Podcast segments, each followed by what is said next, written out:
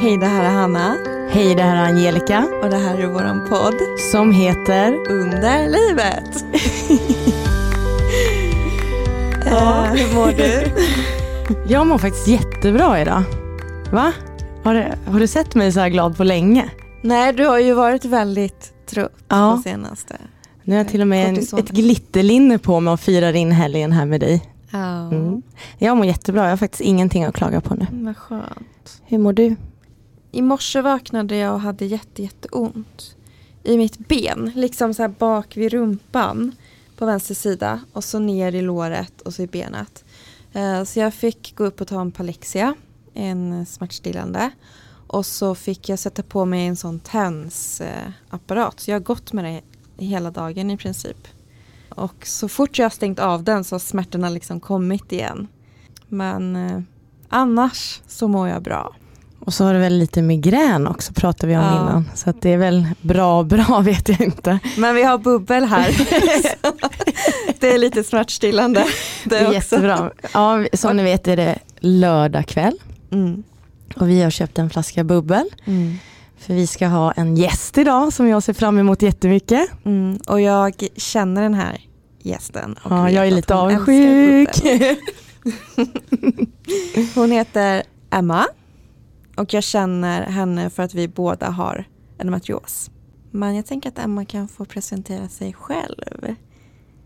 Hej Emma! Hej! Hej! Hej! Kul att du är här. Ja. Tack! Verkligen jättekul att du är här. Jättespännande. Ja, och du har fått ett glas fyllt med bubbel. Ja. Så du är nöjd och belåten. ja. Kommer fyllas på. Låter bra. Låter väldigt bra. Men kan inte du berätta vem du är? Jo, självklart. Emma. Um, Emma på endometriosen, Instagramkontot. Jag som skriver på fredagarna där. Och när jag har funderat över den här dagen, eller kvällen när jag skulle komma hit, så tänkte jag undra om följarna har, har tänkt hur jag låter. Så blir jag så här, åh, nu får de höra hur småländsk jag är. Kommer från Småland, men bor i Upplands Väsby sedan 15 år tillbaka. 42 år gammal, jobbar som eh, pedagogisk samordnare inom fritidshemmet på två skolor i Täby. Jobbar du heltid? Jag jobbar heltid. Mm. Hur funkar det med endometriosen? Ehm, det funkar. Eller jag är väl tyvärr en sån där tjej som lider lite av eh, duktig syndrom. Som Angelica. ja. ehm, så att jag, jag, det är väldigt sällan jag är hemma på grund av mina smärtor. Egentligen skulle jag kanske varit hemma mer. Men, eh, nej men jag, jag, jag vill ju verkligen inte uppmuntra till det att åh, ni ska gå och jobba. För det ska man inte om man har ont. Men, men eh, det funkar för mig. Jag har jätteförstående chef. Jag har underbara kollegor. Underbara elever som faktiskt vet vad det är. Jag vill inte alls vara hemlig, även för, alltså inte de här sexåringarna, men, men mina äldre elever. Hur gamla är de här eleverna? Då går de i fyran, femman, sexan. Coolt. Mm. Vad, säger, vad, vad är det du säger Nej men, nej men de har ju kunnat se när jag får ont. Ja. För jag kan ju få ont på, på en sekund. Alltså det kan verkligen, det går så snabbt och det kan komma hugg och benen liksom viker sig. Det, det kan jag ju inte hindra den smärtan. Och då blir de så här, åh vad hände? Mm. Och då, det är alltid svårt hur man ska förklara den här sjukdomen. Men jag brukar säga att ja, men jag har något i min mage. Eh, det är som en förkylningsblåsa brukar jag säga. Och ni vet hur ont det gör och det kan alla barn relatera till. Och då säger jag att och den blåsan ibland gör att det är ont. Eh, och då blir de så här, är det farligt? Kan man dö? Eh, kan man bota det? De ställer ju de frågorna. Ehm, och då försöker man ju förklara på liksom en nivå som, för, som barnen förstår. Men jag tycker samtidigt att framförallt att jag har så mycket tjejer Mm. på, på fritids. De kanske kommer få det här. Mm. Jag tycker det är jättebra att man informerar, även om du pratar med blåsare så, men att de liksom får redan tidigt, för att man får mens väldigt tidigt. Och Mm. Det kan ju vara någon av dem som faktiskt Mm. kommer komma till dig en dag och prata om det här. Mm. Men vad har du för strategier då? Eftersom att jag känner igen mig mycket i dig. Mm. Har du något, jag kanske inte heller men har du någon strategi när du får ont eftersom att du inte går hem? Vad, hur brukar du göra? Alltså det är så olika. Nu, nu på sista tiden har min endometrios ändå varit ganska snäll. Alltså jag kan ha ont flera gånger i veckan. Men det blir ju en vardag. Så att när jag har ont ibland så tycker inte jag att jag har ont. Ehm, men däremot när jag har haft perioder av sådana riktiga smärtskov som har varit, det längsta var det nio månader. Och då, hade jag, då var jag kanske smärtfri två, två dagar i månaden. Ehm, ingenting hjälpte och då, då trodde man att man skulle bli dum i huvudet. Ja. Alltså jag vet, jag kunde vakna på natten och bara känna, nej men det är ju bättre om man dör. För man kan ju inte ha så här ont. Och så strategin, ja. Nej men jag vet att jag alltid kan gå undan, jag kan alltid liksom stänga in mig i ett rum. Eh, jag har lagt mig på toaletten och hyperventilerat. Jag har ehm, um, jag, men jag försöker nog andas mig igenom det. Sådär. Sen har jag ju alltså fantastiska kollegor. Eller jag har till och med mina bästa vänner jobbar jag med. Um, och det är ju sådana, de har ibland fått sitta bara och hålla en i handen. Och liksom typ andas igenom det här med den. Mm. Ehm, Hur, men hur har du fått dina kollegor att förstå vad du går igenom? För det där har vi också pratat lite om i avsnittet om relationer. mm. Att eh, det är svårt att visa vilka behov man Mm. har.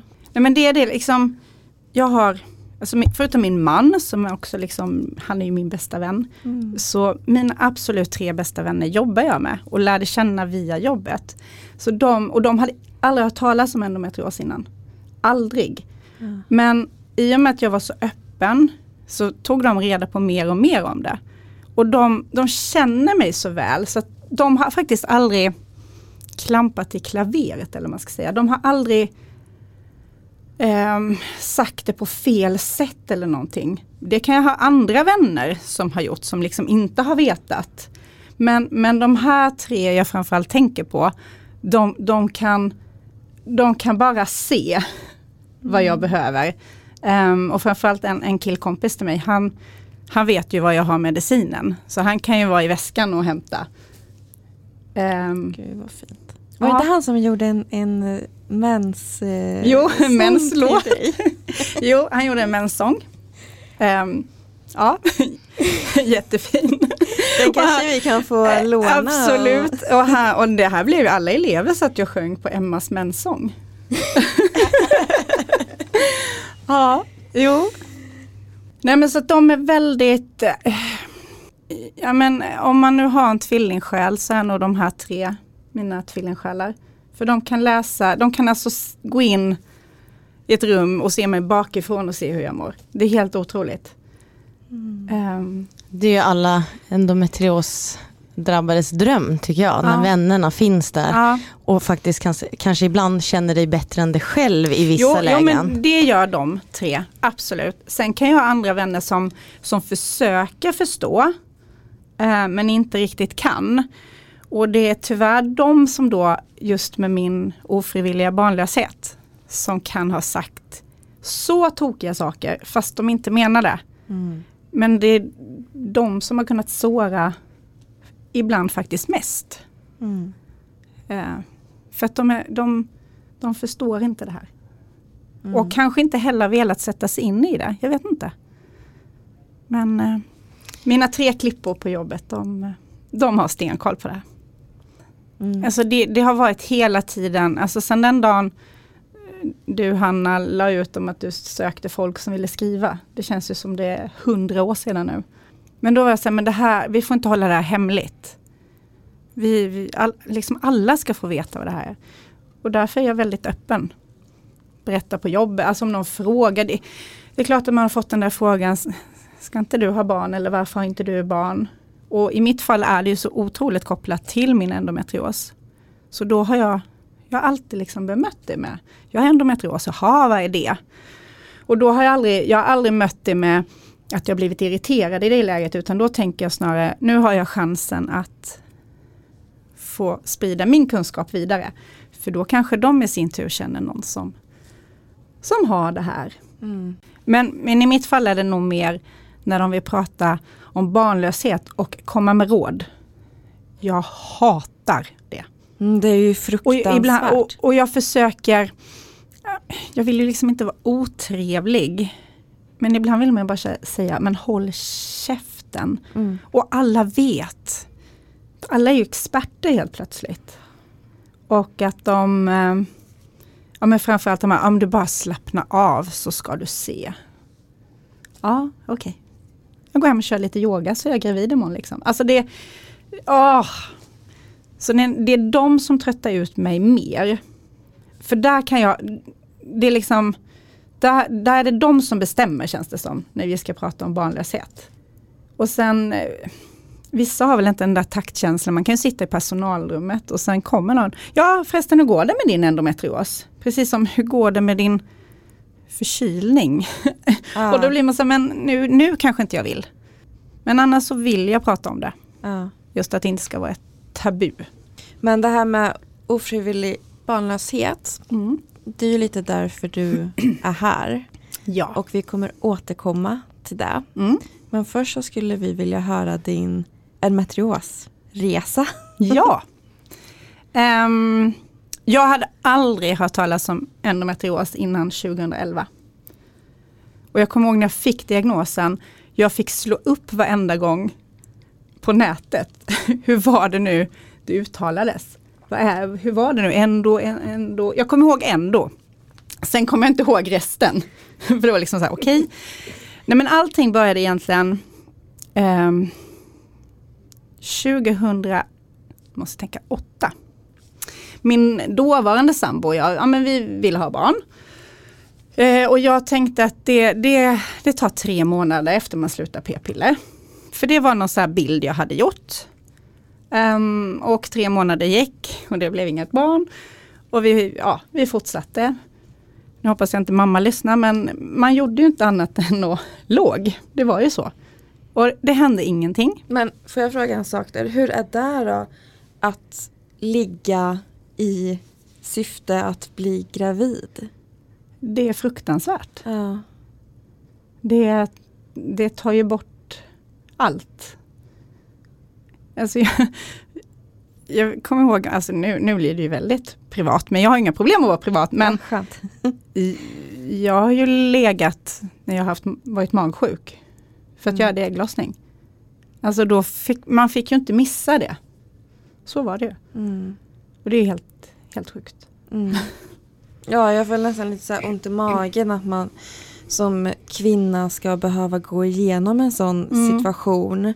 Och sen efter att man har utsatt sig så mycket Mm. inse att man ändå inte blev gravid. Mm. Ja men precis. Ja, det var... Ja men det blev ju inte kul eller vad man ska säga. Alltså Nej. allt, allt det fina med eh, närhet försvann ju. För att det var ju bara en, en barnfabrik. Mm. Men vi hade i alla fall försökt i, i ett år. Ehm, ingenting hände och då pratade jag med min mamma och då var hon så här, nej men eh, hon kände till någon gynekolog. Hon bara, men vi, vi bokar in en tid. För det, det, det är ju säkert något men inte så farligt. Och precis i den vevan ehm, så får jag, jag får så ont i magen. Så att jag, jag bara, jag, jag trodde jag skulle dö. Det här är en nyårsafton. Och ehm, av någon anledning så tar jag ett gravtest och det visar sig att jag är gravid. Och då hann jag ju bara bli så här, woho! Jag är gravid, men när, var, hur ungefär? För då hade jag ju ändå liksom levt ett helt vanligt liv med druckit alkohol och liksom ehm, och haft mens, det var det. Men jag hade haft mens liksom i flera månader så jag var så här, men det här är jättekonstigt. Och dagen efter blir jag bara sämre och sämre så jag får åka in eh, på nyårsdagen 2009. Och då har jag ett utomkvedshavandeskap. Som satt jätteilla. Eh, och bara det är ju ett poddavsnitt, liksom den resan. Men eh, Om man ska förklara kort vad det är för den som inte vet. jag hade ju helt enkelt blivit eh, befruktad. Men ägget hade fastnat i äggledaren. och fortsatt att växa. Så att själva embryot levde. Men det skulle aldrig kunna bli ett barn av det. Eh, så att när jag kom in, det första jag för, jag vet att jag kom in halv tre på natten för att äntligen träffa en läkare. För återigen, eh, vi kom in nio på kvällen. Men jag satt där i, eh, i väntrummet och hade ont. Men jag släppte ändå fram före andra patienter. För jag var så nej men de har nog värre. Nej men gud, nej men nej, jag kan sitta kvar. Men när jag kom in då halv tre och då får jag bara höra att du har en tickande bomb i dig. Jag hade ju liksom blod i hela buken. För det hade ju börjat spricka, själva äggledan då. Så det var fram och tillbaka om jag skulle behöva operera bort eller man skulle kunna få bort det här embryot på annat sätt. Så att jag var inlagd fem dagar och de kom aldrig till något beslut. Utan de kom på att men, kroppen kommer ta hand om det här. Men det gjorde det inte utan det här lilla embryot fortsatte växa. Um, så jag var i vecka åtta när jag kom in. Men jag var ju gravid ytterligare tre veckor till. Innan de beslutar att eh, sätta in cellgifter för att faktiskt ta död på det här. Det var, ju, det var ju bara liksom ett enda långt missfall. Ja. Och ändå då, alltså, samtidigt var det ju min dröm, alltså jag är gravid. Men jag visste att det inte skulle bli något. Och kroppen var ju gravid. Ni vet så här, det blev lite tight på byxorna. Då vet jag att jag skyllde så här, men det var nog julmaten. Man kunde inte knäppa riktigt, man mådde illa, brösten blev ju som ballonger. Så att jag var ju gravid men um, Och ja, efter då cellgifter, det var ju också en mardröm. Sen tillkommer det lite att vi valde att separera i den här biten också. Men då eh, när jag går på massa efterkontroller, då är det en manlig gynekolog som säger att han ser en cysta på min vänster äggstock. Och cysta var ju med så här, vad, vad, är det? Och han sa att men det är ungefär som en femkrona. Men eh, du kommer få en, ett, ett återbesök så ska vi kolla upp det här. Och det kom aldrig. och då, då släppte jag det här. Och sen eh, gick det väl ett tag och så började jag få väldigt ont vid ägglossning. Eh, jag började blöda ex extremt mycket vid mens. Det var liksom, jag, blödde, jag vet jag låg i soffan, blödde ner soffor, allt. Bilen, allt blödde jag ner. Det tog liksom inte stopp. Men återigen, jag var den där duktiga tjejen, jag går inte till sjukvården. Det finns de som hade värre, det var så hela tiden jag tänkte. Nej, men, så är det nog att vara tjej, för det var ju som man hör alla de här endometrioshistorierna. Det gör ont att ha mens, man blöder olika mycket. Allting är normalt. Det var ju så man, när man pratade med kompisar och sådär. Och du var liksom frisk innan endometrios. Ja, ja, ja. För det är därför det här duktiga flickan-syndromet ja. kommer tror jag. Att man hade ingen, ingen erfarenhet av sjukvården överhuvudtaget Nej, egentligen. Precis. Och jag hade ätit p-piller i, i många, många år fram tills då vi började fundera på att skaffa barn. Så då hade inte jag någon mens. Så att jag hade ju liksom ingen aning. Eh, och jag höll på så här ett par år. Innan jag var så här, nej men det är ju något som är, är, fel. För jag fick bara mer och mer ont och det kunde sitta in liksom hela månaden. Och sen gick det så långt att ambulansen fick hämta mig på jobbet. Och då kom jag in eh, då åkte jag till Danderyd för jag var så här, jag ville inte till KS. Där jag hade haft mitt utomkveds för att de, ja, det hände en massa annat i den vevan där. Och då är första gången jag träffar en, en gynekolog som säger att du har en cysta. Eller säger han igen då och den här cystan ser inte ut att försvinna. Um, så att vi får, vi får kolla upp det här. Och de, jag skulle få ett brev inom fyra månader. Jag fick inget brev inom fyra månader. Um, och då gick jag till, till min gynekolog som jag hade fått via utomkvedshavandeskapet. Och då var hon så, oj, då hade jag en 8 cm stor cysta på vänster äggstock. Hon bara, men det här måste opereras bort direkt. För jag misstänker att du har endometrios. Och då var det, eh, vad sa du? vad är det? Och, eh, och så berättade hon, var ju liksom jätteduktig. Så jag fick en operationstid fyra veckor senare och då hade den växt ytterligare. Hur stor var den då? 12. Åh oh, herregud. Men gud vad snabbt det växer ja. eller? Ja. Jag sitter här och ryser. alltså helt ärligt, det här är ju helt hemskt. Så när, jag, när de, för de hade ju planer på att man bara kunde ta ut det via titthål. Men det gick ju inte. Och när de snittade upp mig, då, då sprack den för den var så stor. Oj! Ja. Men till de som inte vet då så kan vi ju säga att den här cystan var ju fylld med blod. Ja. För det är ju sådana cystor man får vid endometrios. Och de kan ju spricka mm. i kroppen. Mm. Det händer ju. Ja. Herregud. Ja. Och det här är 2011. Och då, då liksom den läkaren som hade opererat mig, han var också helt fantastisk. För han, eh, han tog sig tid att berätta liksom om endometrios. Så att man var sådär, okej okay, jag har en diagnos. Eh, det är ingenting man kan bli frisk ifrån. Man kan mildra besvär och så. Men det är klart, han sa ju den här klassiska, det är ju bra om du blir gravid snart för att då kommer du inte ha ont. eh, och då säger han ju också, ja, och du har ju inte åldern på din sida. Jag var 32 då. Och då kände man... Men vadå inte åldern på sin sida? Nej, han, tyck, han, tyckte jag var för gammal. Så att skulle jag ha barn så var det nu. Och här sitter jag nu då 42, då kan ni förstå hur det känns. Så då blev man lite stressad. Men annars var han fantastiskt duktig på att förklara om endometrios, alltså vad det var som hände i min kropp. Sen att han var tvungen att slänga in den där.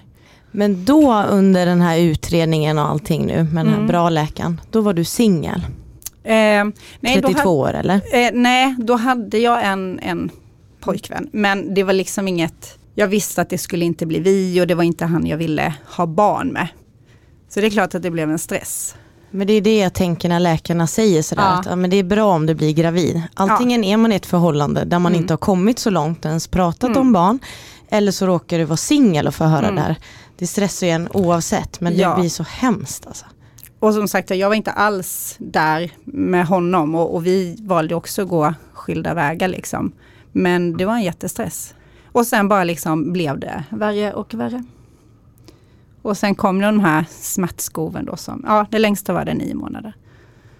Så du är opererad två gånger? Då? Nej, en gång opererad. 2011. Men då. sen liksom, och det var då med systern.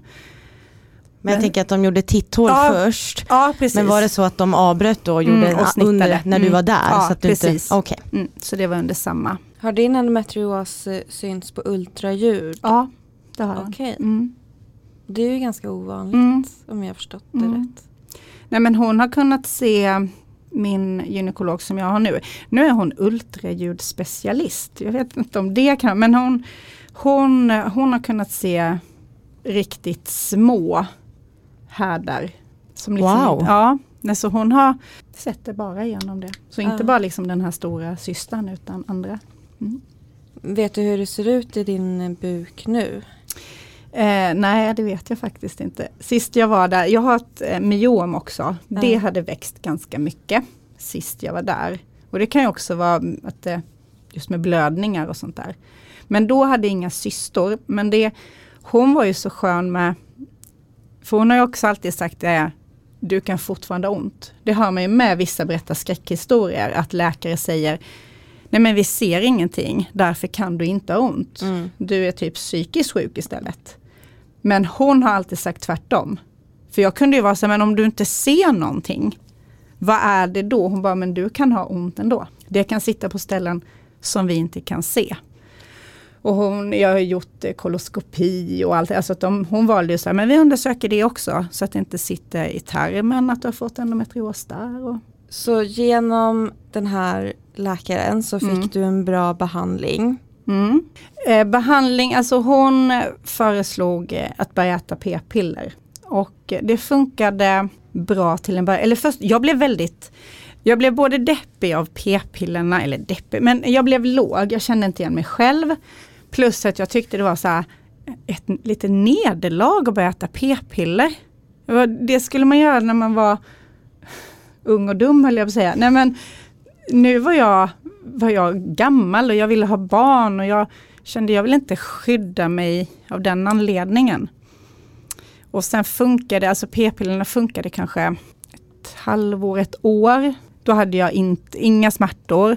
Det funkade bättre med blödningar men sen drog det igång igen. Mm. Så det, ja, det funkade inte som vi hade och tänkt. Och vad gjorde du då? Hur gick ni vidare? Eh, vi gick vidare på så sätt att alltså jag, jag, jag valde att fortsätta äta p-piller. Och återigen hamnade i det här duktig tjej-syndromet. Jag tog inte tag i det. Mm. För att jag, alltså varför vet jag inte. För någonstans var man som, men om inte det funkar så kommer inget funka. Det är nog bara att lära sig leva med det. Jag har ju inte haft en massa behandlingar som många andra har. Liksom med kemisk klimakterie och sånt. Det har jag ju aldrig testat. Och det, det är ju av en egen dum vilja på något sätt. Att jag, jag valde att, att köra på. Mm. Och sen träffade jag ju Micke, min man. Och då, var ju, då väcktes ju den där tanken efter barn till liv igen. Så då, då slutade jag med p-piller av den anledningen. Men hur, hur är prognosen efter eh, utom kvedshavandeskapet? När jag hade opererat bort eh, systern då 2011, då sa läkaren till mig, bortsett från att han tyckte jag var lite gammal då, 32, så, eh, så sa han också att eh, dina, din chans att, få, att bli gravid på naturlig väg är cirka 1%. Och mitt utomkvedshavandeskap, då fick jag höra att har du haft ett, då är det 20% risk att man får det igen. Så det var liksom mm. så här, okej, okay, vad händer nu då? Mm. Men jag levde lite för den där enprocenten väldigt länge. Jag, ja, jag ville inte hamna i det negativa då. Det, det kom sen. Och det är mycket det jag skriver om på Instakontot. Ja men den här längtan efter barn, för den, har, den, är ju så, den är ju så stark så att det är helt otroligt. Men nu hur jag faktiskt har börjat acceptera. Mm. Vi fick en fråga när, om du fick något besked att du kan inte få barn. Liksom. Du kommer mm. inte få barn. Ja, det, det har jag fått, det beskedet. Och det var, oh, hur många år sedan är det?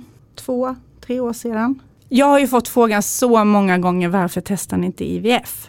Och ja, ibland kan jag bli lite provocerad av den frågan. För att är man inte i kampen så eh, Nej men du får inte börja gråta för då börjar jag gråta. Och jag har ju bestämt för att jag inte ska gråta idag. Jag är ju sån här. Ja. Nej, nej men alltså när man, om man inte är med, vet den här kampen, då är det så lätt att säga, men vadå, varför har ni inte testat IVF?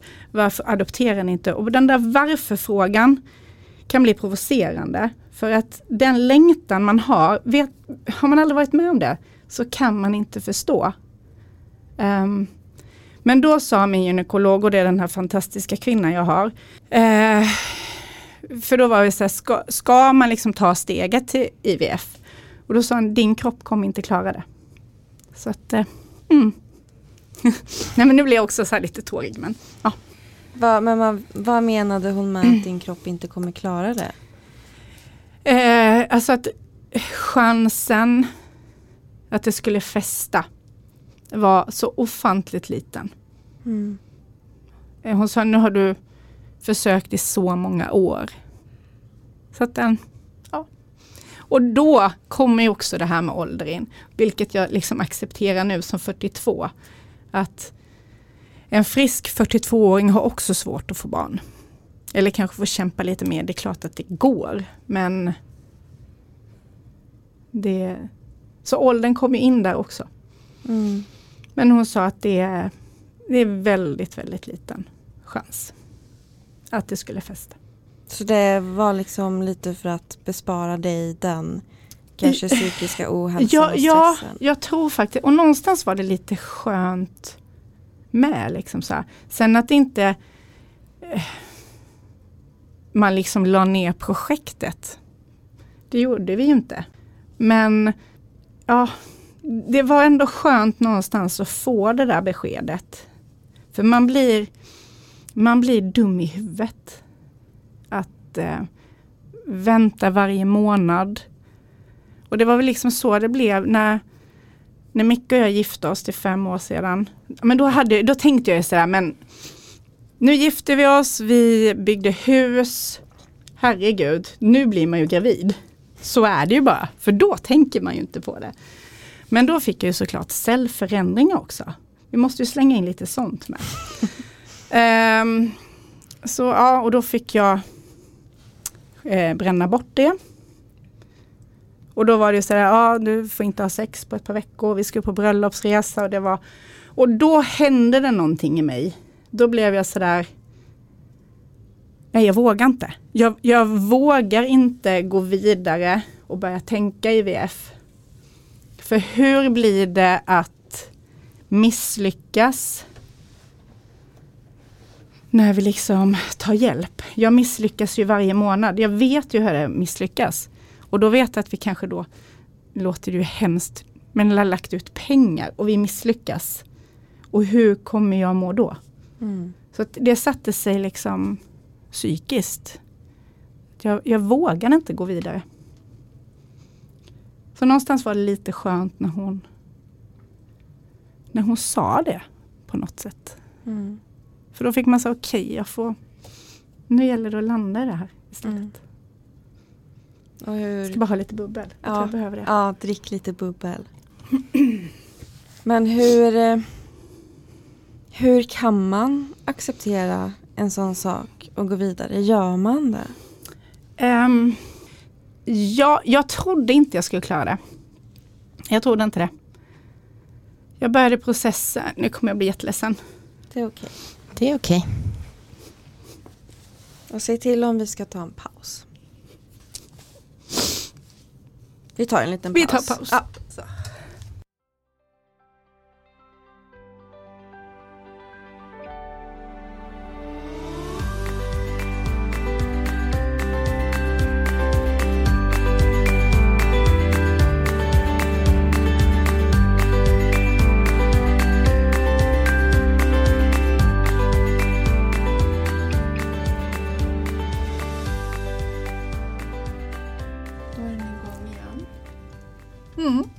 en liten gråtpaus. Ja.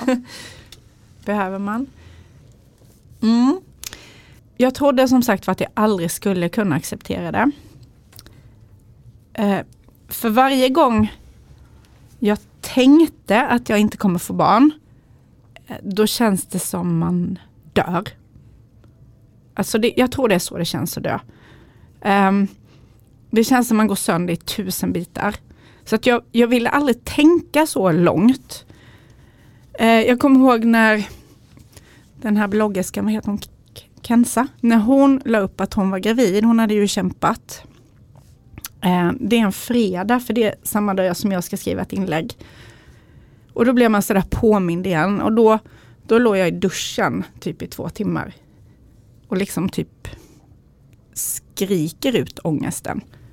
Eh, men att hamna där, att må så dåligt. Då, jag hade någon strategi att inte hamna så långt ner. Jag, fick, jag liksom stängde av tankarna, vilket inte kanske är sunt heller. Men förra året, jag vet, eh, vi är på västkusten där vi har vårt sommarställe. Och en av då mina bästa vänner som jag har nämnt innan, Emily. Eh, hennes familj var också där och vi sitter på stranden hon och jag. Och det är första gången jag säger orden till henne. Att jag, alltså jag har ju sagt att jag inte kan få barn innan. Men då sa jag att jag kommer aldrig bli mamma. Och sen grät vi, såklart. Men där hände någonting. Det var då jag var så här, nu, jag måste, för att kunna överleva så måste jag, jag måste acceptera det här på något sätt. Sen hur jag gjort det, det vet jag inte. Jag kommer fortfarande till sådana där nattsvarta dagar. Och, och nu, nu det sista är så här, när jag tänker att jag inte ska få barn, då kan jag bli rädd att jag tänker, nej men vem ska ta hand om mig och Micke när vi är på ålderdomshemmet? Alltså så, där är jag nu. Att herregud, det är inget, vårt barn kommer inte komma och hälsa på oss. Att jag kommer inte få barnbarn. Sådana tankar har jag nu, 42 år gammal liksom. Börjar tänka på att jag skulle bli mormor eller farmor, det är helt sjukt. Det är inte alls sjukt, det är väl fullt normalt att man tänker. Men det är just att processen har gått från att jag har tänkt det här att åh, gå och köpa bebiskläder, gå ut och gå med barnvagn, sitta och göra läxorna. Det där till att tänka att vem ska ta hand om mig och Micke när vi är pensionärer? Alltså det är ju helt galet. Men hur jag har accepterat, jag vet inte vad jag haft för strategi. Första var nog kanske egentligen att bara våga, våga säga orden högt. Som jag gjorde till Emelie på stranden. För jag tycker det är jobbigare att säga det till Micke. För han han är ju också i den här bubblan liksom. Medan Emelie är ju inte det. Så det var lättare att säga det till någon annan. Och sen har jag liksom Jag har bara fått acceptera det. Alltså det var och inse att jag kan, jag kan, om jag nu inte blir mamma så får jag inte må så jäkla dåligt om jag tänker på det. För då går jag sönder. Och jag vill inte gå sönder. För att jag har ett alldeles för bra liv för att gå sönder. Och då måste jag njuta av det jag har. Mm. Micke han sa något bra en gång och det var Det blev inte som vi hade tänkt oss men det blev bra ändå. Ja. Och det är lite sådär jag får tänka att det jag har ju världens bästa liv. Bortsett från liksom endometrios, migrän, ont i knäna. Ja, men ja, jag får tänka på det. Mm. Väldigt bra sagt tycker jag. För ni har varandra också i det här. Absolut. Det är det som jag tycker är fint. Mm. Gud, jag blir så Sen hade jag en elev också. De är ju så söta. Alltså, jag har ju liksom från sexåringar upp till tolvåringar. Och de ställer ju ofta den frågan. Har du några barn? Och då kan jag säga nej. Vill du inte ha barn? Jo. Men varför har du inte barn? Nej men jag kan inte få barn. Och då var det en liten som sa en gång. Fast du har ju oss. Ja, så att egentligen har jag 500 barn. att, och det var liksom, jag får ju ändå vara med i så många barns liv liksom att jag tänker. Får jag fråga då, hur känns det att jobba med barn? För jag kan det tänka, är inga problem. Nej, men jag kan tänka mig att många eh, liksom stöter ifrån det lite ja. mer för att man själv försöker överleva och inte mm. gå sönder som du säger. Att, att jobba med barn har aldrig varit problem. Däribland kunde jag tycka det var jobbigt när föräldrar, föräldrar hämtade sina barn. För då kunde det bli sådär, åh, det kommer jag aldrig få göra. Jag kommer inte få stå här liksom och en fredag, åh nu ska vi hem och fredagsmys och samla ihop grejerna och de ger den där kramen. Det tyckte jag var jobbigt. Men själva barnen, de, de har jag aldrig, och likaså kompisar som har barn. Det var mest jobbigt när de sa att de var gravida.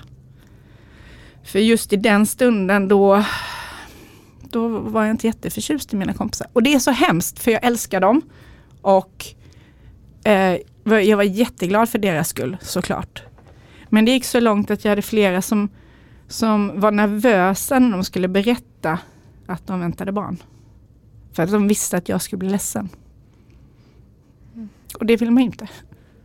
Nej. Att, ja. Man förstår ju båda sidorna där också. Eh, jag menar kompisarna gör ju det också. Ja, ja. Eh, ah, det blir sån himla obalans för att Precis. de vill berätta för att du är deras vän mm. och du vill höra för Absolut. att du blir glad. Ja. Men där ligger det ju någon tunn vägg emellan som ja. stöter mot det andra hållet och stöter mot ditt håll. Och men det är viktigt att ni är öppna ju. Absolut, mm. och det är något som har blivit bättre ju äldre jag har blivit och ju mer jag har accepterat det. Att nu, nu kan jag liksom känna 100% glädje direkt. En, en vän fick barn i januari och hon är lika gammal som mig. Um, och hon var lite nervös när hon skulle säga det. Just att hon visste hur, hur länge jag hade kämpat. Och, um, men där var det bara 100% glädje. Det var, det var jätteskönt. Sen att jag grät lite så, men det var ändå, det var bara glädje. Nu var det en förändring från hur du har känt ja, innan. Ja, för innan kunde det vara sådär, ja jag är glad för din skull, men fy fan vad orättvist och varför får du barn och inte jag? Och så kunde jag nästan hitta lite fel på mina kompisar. Alltså du vet så att det, det, usch, det är hemskt ens att säga det men jag kunde vara som en du gillar ju inte ens barn lika mycket som jag gör. Men alltså man fick det här, jag ville hitta liksom jag ville hitta en anledning att inte tycka om dem just i den stunden. Och jag som sagt var, jag har alltid varit glad för deras skull men jag har blivit så ledsen också. Och blivit så svartsjuk i den. Att liksom, varför får de och inte vi? Jag tycker det är så hemskt egentligen hur det är att ja, men som man är uppväxt. Att man, nu, det här, nu drar jag bara den här historien som ni också hört. Man ska ha hus, bil, hund, barn. Mm. Det ser annorlunda ut hos så många så att jag gillar inte det här Alltså hur det är inpräntat i oss, att man måste våga vara öppen för förändring. Mm. Inte för, det kan ju vara att någon som inte vill ha barn, men också någon som inte kan få ha barn. Att vi måste våga öppna våra ögon, alltså alla mm. som lyssnar. Tänk på det när man frågar, jaha mm. varför vill inte du ha barn? Det kan finnas så mycket mer under det här. Mm. Än vad man faktiskt vill berätta mm. om. Det är inte Volvo, hus och barn som alla Nej. egentligen kan eller vill ha. Mm. Angelica, har du fått frågor om barn? Ja, redan under 30 års ålder. Ja. Mm. Så det här berör mig väldigt mycket, detta avsnitt. Och jag tycker att eh, jag har försvarat mig mycket med att Ja men det är ju svårt efter 30 har jag ju fått höra. Att man ska mm. börja vid 30 har jag fått höra. Så är man singel. Mm. Det är jättekul att höra det.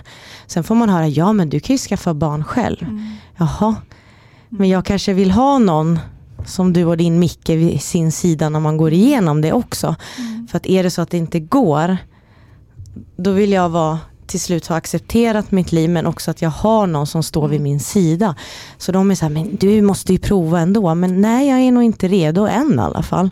Jag vill ha någon vid min sida och mm. hur hemskt det här än låter så vill jag ju i så fall att det ska gå som din historia, att någon är vid min sida. Liksom. Så att ja, jag har fått höra det. Ska vi ta lite frågor? Vi har ju fått in frågor. Mm. Vi, har fått, vi får se hur många vi hinner. Jag läser mm. på. Ja. Kör. En fråga är, har du fått samtalsterapi eller psykologihjälp för att bearbeta din sorg? Och sen skriver också personen, om du har känt sorg eller känner. Eh, som sagt var, jag har ju känt en sorg som är nattsvart, som tar sönder en. Alltså det är enda ordet jag kan säga. Man, man går sönder. Eh, dock har jag aldrig fått hjälp. Jag har inte sökt hjälp, eller jag tog hjälp precis vid utomkvedshavandeskapet. Men eh, det gav mig ingenting. Alltså det var en, en, en som satt och tyckte synd om mig. Och det är inte deras uppgift. Vad var det för hjälp? Var det... det var via eh, företagshälsovården så fick, kunde jag få via jobbet då samtalsstöd. Um, vi hade ett samtal och sen kände jag att då kan jag göra det här på egen hand. Mm. ja, men alltså det är jättehemskt. Men att någon sitter och lägger huvudet på sned och liksom mm, mm, Nej, det är inte det man behövde. Så att jag har inte tagit hjälp men Alltså jag har nog haft mina vänner. Nu kommer jag outa deras namn här. Det är Emelie, Cecilia och Kristoff. Finare människor finns inte. Det är... Eh, ja. Är det dina kollegor? Ja, och mina absolut bästa vänner. De är, så det är nog där. De har varit mitt samtalsstöd. Och hur har de gjort då? Om man ska tipsa de som lyssnar på det här. Hur, hur ska man stötta på ett sånt eh, sätt? Lyssna. In, egentligen inte säga så mycket. Inte lägga huvudet på sned och tycka synd utan lyssna. Eh, kom inte med ro, eller tips. Jag har haft vänner som har, ja, men du kan vara glad att du inte har barn för tänk du slipper ju eh, magsjuka, du slipper det här. Alltså de har sagt så dumma saker. Jag har suttit med kompisar som verkligen var så, ja, du, tänk, tänk vad skönt, du slipper i alla fall det här. Och jag har lust att bara säga, men jag skulle ta varenda natt, jag skulle ta varenda bajsblöja för att få känna och få vara mamma. Eh, så, så kom inte med, med trösten utan egentligen lyssna, krama och låt den få bryta ihop. Och där kommer jag egentligen in på nästa fråga lite ändå som vi har fått in och det är det här hur du bemöter närgångna frågor. Mm. Om du känner att någon faktiskt frågar för mycket eller som jag skulle vilja tillägga mm. nu, säger för mycket. Mm. Jag har blivit lite tuffare sista året, eller egentligen sista året när, när jag började acceptera att jag inte blir mamma. Då har jag blivit lite kaxig tillbaka. Så jag har verkligen sagt om jag har fått den här gången fråga så har jag kunnat med säga, fast vet du vad, jag kan inte få barn. För oftast, alltså de skäms. Det är så pinsamt. Eh, för då inser de hur mycket de har klampat i klaveret. Men eh, alltså blir man väldigt, eh, tar man åt sig väldigt, väldigt illa. För det har jag också varit med om. Nej, ja, när en kollega faktiskt kommer fram till mig på arbetstid och frågar, är det något litet som gömmer sig där? Och jag blir så här, nej, ja för visst vill du ha barn. Eh, och, och, jag var så här, jag måste fly. Och hon går efter mig och hon fortsätter. Hon bara, för visst är det någonting där inne? Bara, nej, jag kan inte få barn. Nej, ni har ju kämpat. Visst förlorade ni ett barn en gång? Ja, jag, jag grät på riktigt en hel helg. Mm. Um, men där var min chef så cool, för hon fick veta det här, så hon plockade in mig och den här kollegan. Um, för hon var så Emma du måste få äga det här. Du måste få säga till henne. Och när hon försökte lite så med bortförklaringar så var min chef så här, nu är du tyst. Emma, berätta hur du kände. Och det var så skönt att få sitta ett par dagar senare och titta henne i ögonen och säga att du förstörde min helg. Dels att du tar upp om barnlöshet, du får inte det. Du får aldrig fråga någon. Och sen när hon säger jag har aldrig sett dig så här rund, ja men då säger du att jag är tjock också, tack för den. Ja men det var liksom, håll käften. Mm. Eh, så att jag tror, alltså våga, våga säga ifrån. Sen handlar det lite, någon kan ju ställa en fråga då det verkligen känner att det är, de menar ingenting, då får man kanske ha lite mjukare framtoning. Men jag, jag jag vill säga till folk att jag är ofrivilligt barnlös. Um, och hoppas att de förstår att nu är vi tysta. Ställ inte den här frågan igen. Mm. Så att jag, jag kommer inte skämmas för att vara ofrivilligt barnlös. Wow, alltså jag fick så här, så här känsla med armarna i luften alltså. Helt rätt. Vi går vidare. Jag omformulerar här eftersom att jag har ju fått eh, svar på mycket. Så jag kommer på lite här, eller den personen kommer nog få svar. Men vad använder du idag då som hjälper mot smärta? Mot smärta, alltså det, det är väldigt blandat. Ibland eh, så räcker det att göra en liten cocktail av Ipren och Panodil. Ibland är det Citodon. Ibland är det Naproxen. Ibland är det Oxynorm om det skulle vara riktigt illa. Um, man lär ju känna sin kropp så otroligt väl. Så när jag la upp uh, igår på Insta-kontot, jag, jag, säger nog det att inom en, ja, för en minut sedan fick jag ont och då visste jag att det var smärtor som inte skulle gå över. Så då fick jag ta lite starkare grejer för att klara dagen. Så det, det är en blandning. Vi har ju mycket att välja på också. ja, precis. det är en cocktailbuffé. ja, ja, nej men det kan, vara, det kan vara allt möjligt. Men går du på någon eh, hormonbehandling? Nej. För någonstans, fast jag har accepterat att jag inte blir mamma, så lever det där jäkla lilla hoppet någonstans. Fördelen nu är att jag, jag har lagt stressen åt sidan. Jag, jag har inga ägglossningstest. Jag litar på min kropp. Alltså min menscykel är ju som en jäkla klocka. Eh, så jag vet ju ändå exakt när jag är ägglossning. Men det är jätteskönt. Och nu är det så här, vill jag inte ha sex när jag är ägglossning så skiter jag i sex då. Att eh, sex har blivit något trevligt igen, eller man ska säga. Mm. Det är ju um, fantastiskt. Och då kan jag istället tänka sådär, skulle det bli att vi lyckas, vi får liksom full pott, så är det ju bara skithäftigt.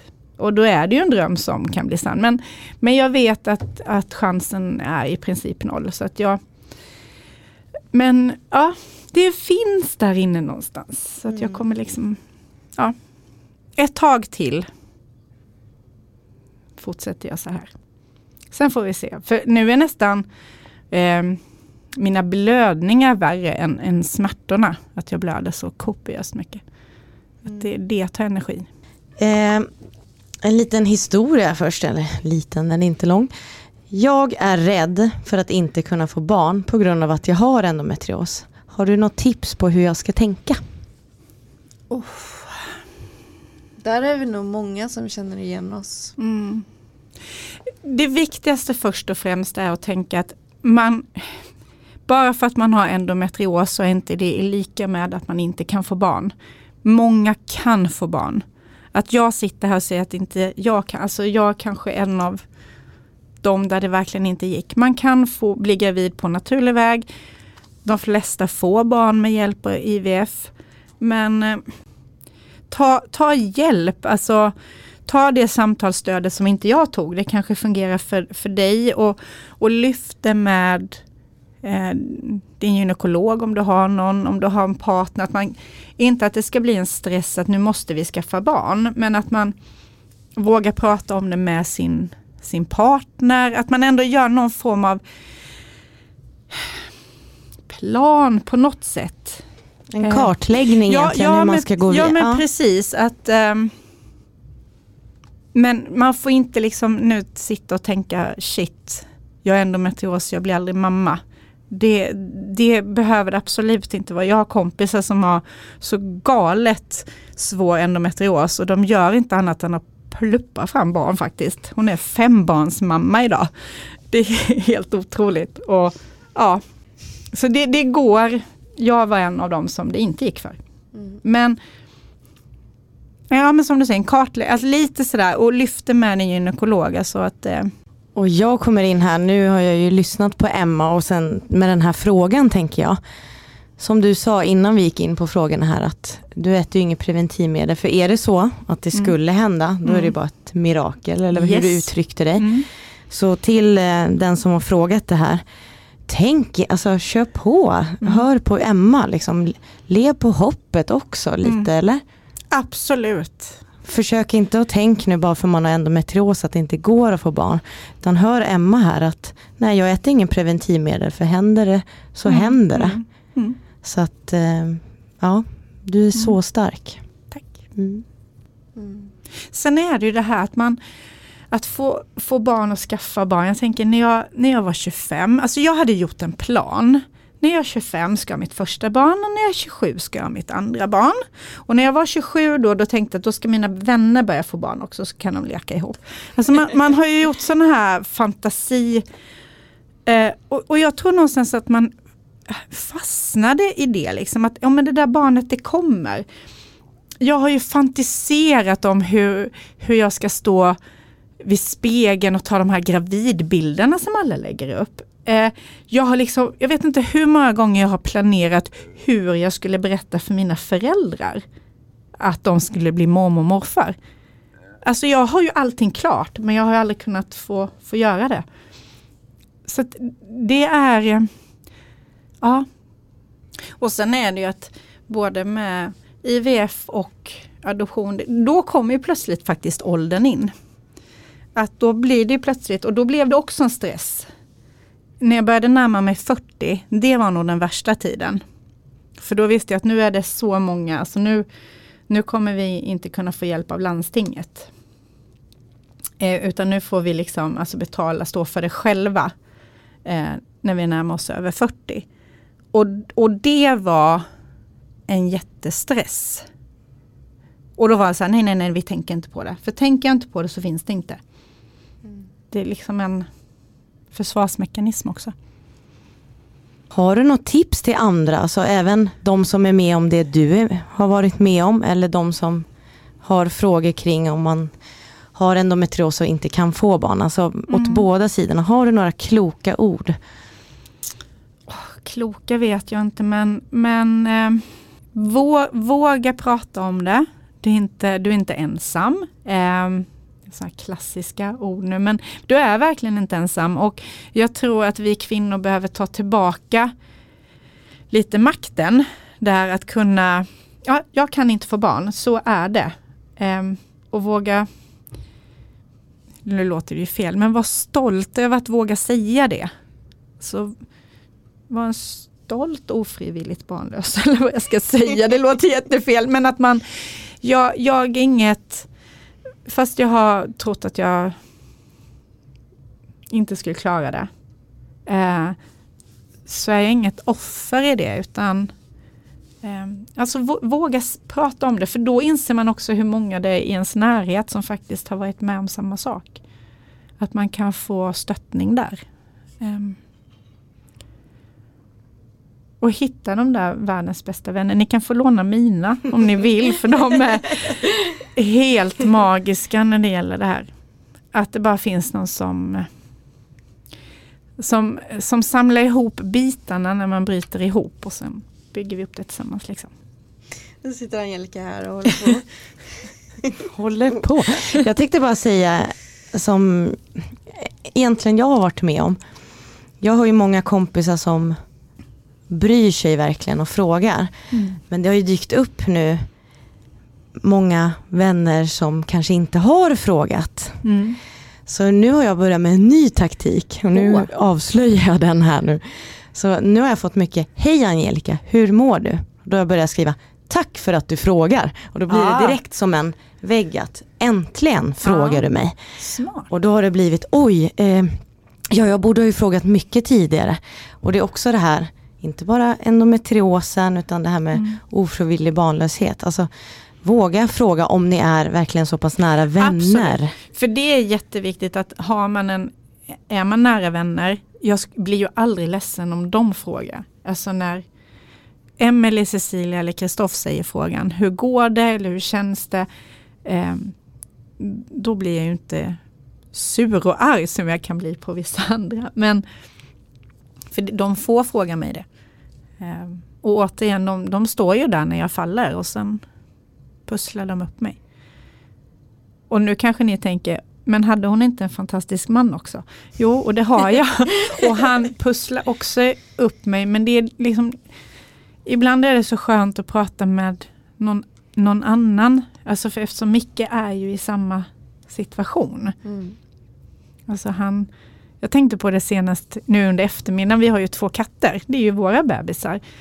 Och hur han höll på med vår lilla Thomas som är så gullig.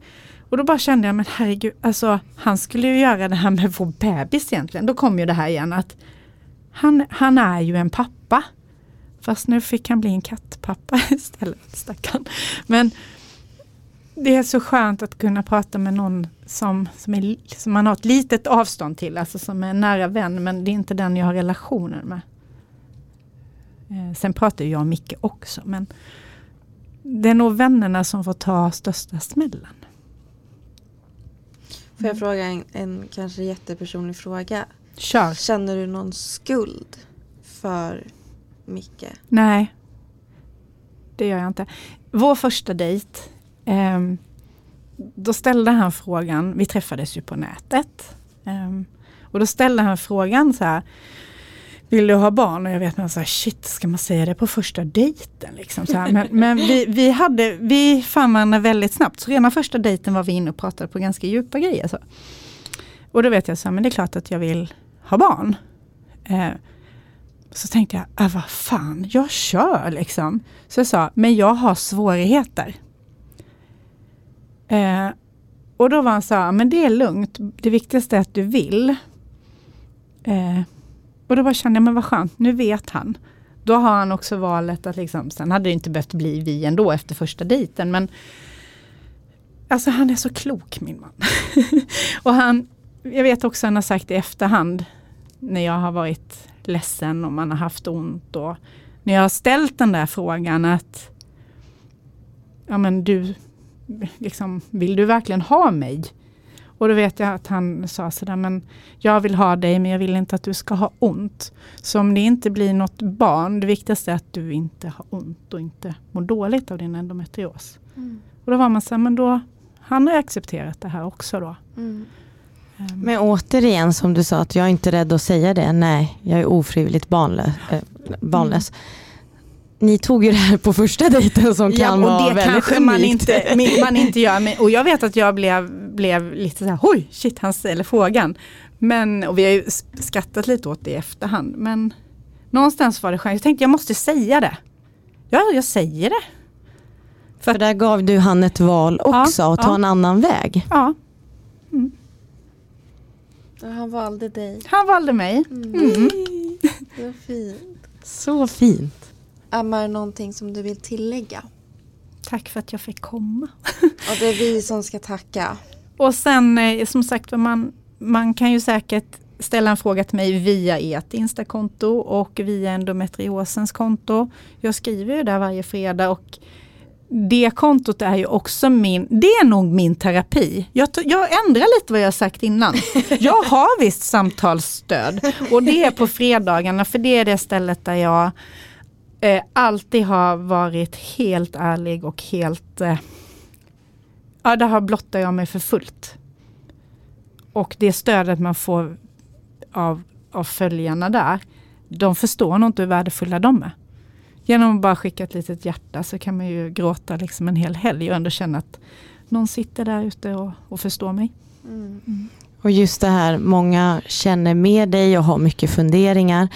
Och man vill inte alltid vara den som berättar att det här är jag som frågar. Så vill man fråga så kan de ju skriva privat till er också. Absolut, absolut. Det går jättebra. Tungt men jätteviktigt avsnitt. Mm. Och nu känns det så konstigt att gå över till Följ oss på Instagram. Fast det ska man ju. Man ska ju följa er. Man ska följa oss på Instagram. Men ta den nu Hanna. Du heter Angelica Hackala. H-A-K-A-L-A. och jag heter Hanna Oredsson. Och sen har vi ett Underlivet podd. Och eh, prenumerera på podden. Och eh, ge oss betyg och en kommentar. Så att vi hamnar högre upp i flödena så att fler kan höra på våra avsnitt och de viktiga ämnena som vi